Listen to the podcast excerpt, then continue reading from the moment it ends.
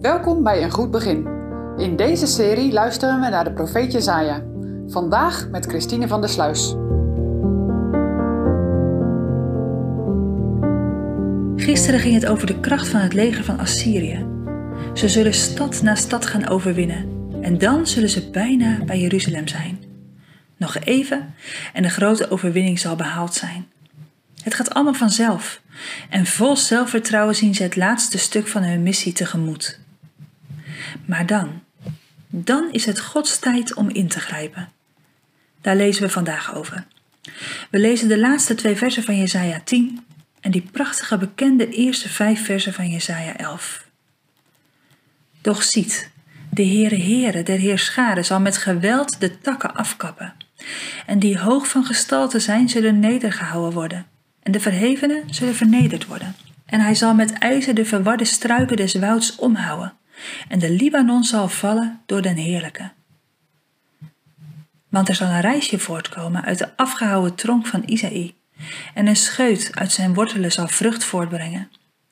En op hem zal de geest des Heeren rusten, de geest der wijsheid en des verstands, de geest des raads en der sterkte, de geest der kennis en der vrezen des Heeren.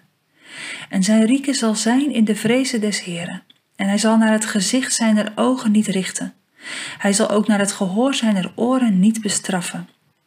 Maar hij zal de armen met gerechtigheid richten, en de zachtmoedigen des lands met rechtmatigheid bestraffen. Doch hij zal de aarde slaan met de roede zijns monds, en met de adem zijner lippen zal hij de goddeloze doden. Want gerechtigheid zal de, zal de gordel zijner zijn.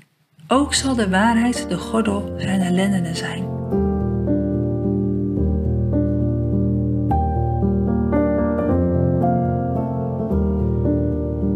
Zie je het voor je, dat enorme leger van de Assyriërs?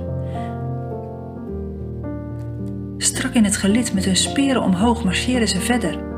Ze laten zich door niemand tegenhouden en geloven diep in hun eigen kracht en macht. Maar dan lezen we in vers 33 de woordjes doch ziet. Dat betekent, let op, er gaat iets veranderen.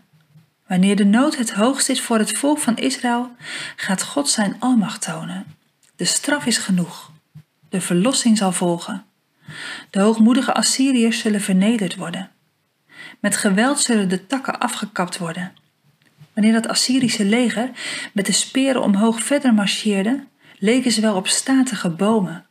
Daarom staat in vers 34 de Libanon, dat zijn bossen vol cederbomen zal vallen door den Heerlijke. Zoals men het met ijzer lastig struikgewas kapt, zo zal God het Assyrische leger verwoesten. Israël zal dus verlost worden. En dan volgt Jesaja 11. Waar het in hoofdstuk 10 gaat over een tijdelijke verlossing, gaat het in hoofdstuk 11 over de grote verlossing die de Heer Jezus zal gaan aanbrengen. Nee, niet met veel bombardie, zoals de Assyriërs te werk gingen. Nee, er zal een reisje, dat is een twijgje voortkomen uit de afgehouwen tronk van Isaïe. Het zal lijken dat van het geslacht van David niets overblijft. Maar de Heer heeft met David een verbond gesloten en daar zal hij zich aan houden. Het raakte mij toen ik het las. Het eenvoudige en kwetsbare. De Heer Jezus wordt vergeleken met een teer takje. Maar tegelijk lees je ook het zekere. Er zal een reisje voortkomen en een scheut uit zijn wortelen zal vrucht voortbrengen. Wat God belooft is zeker en vast. Wat de Heer Jezus gedaan heeft ook. Dat staat in schreeuw contrast met de vermeende kracht van het Assyrische leger. En het staat ook in, schreeuw, in schreeuw contrast met wat het leven jou te bieden heeft. Kies daarom voor een leven met de Heer. Bij Hem en met Hem ben je veilig. Vanaf vers 2 lezen we hoe de Heer Jezus, die vergeleken wordt met dat tere takje, geschikt zal zijn voor dat grote werk dat Hij op aarde te doen heeft. De geest des Heeren zal op hem rusten, lezen we. Matthew Henry schrijft hierbij: Hij zal de geest niet met mate hebben, maar zonder maat. Hij zal vol zijn van de geest. En dan lezen we in vers 2 en verder wat dat in zal houden. Hij zal weten hoe hij Gods heerlijkheid en het welzijn van mensen moet bereiken. Hij zal nauwkeurig en stipt zijn in het gebruik van zijn macht. Hij zal precies weten wat zijn taak is en deze ook volmaakt uitvoeren. Zijn kennis en oordeel zal wijs en verstandig zijn. In zijn oordeelsvorming zal hij zich niet laten leiden door wat zijn ogen zien en wat zijn oren horen. De armen en zwakken worden niet benadeeld, maar ontvangen een rechtvaardig oordeel. Hij zal niet bekleed zijn met prachtige kleding, maar hij zal versierd worden met gerechtigheid en trouw. Wat een contrast! Het grootste en machtige Assyrië blijkt uiteindelijk krachteloos en zal verdelgd worden. En het kleine scheutje uit de wortel van Isaïe, de Heer Jezus, zal blijken volmaakt, stevig, machtig, zeker en begerenswaardig te zijn.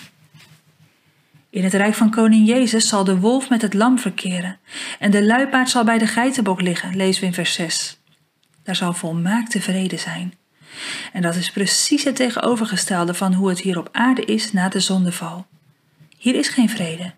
Niet in ons hart, niet in ons land, niet in de wereld, helaas vaak ook niet in de kerk, maar in het vrederijk van de Heer Jezus zal het paradijselijk zijn. Lees maar eens wat er over geschreven staat in vers 6 tot en met 9. Hoe is het met jou? Vertrouw jij nog op je eigen kracht, net als de Assyriërs? Dan kom je bedrogen uit. Of ben je het al gaan verwachten van de Heer Jezus? Hij kwam niet met groot geraas de wereld in, maar zijn werk was groots, volmaakt, compleet en alles wat jij nodig hebt om echt gelukkig te zijn. Zoek Hem en leef.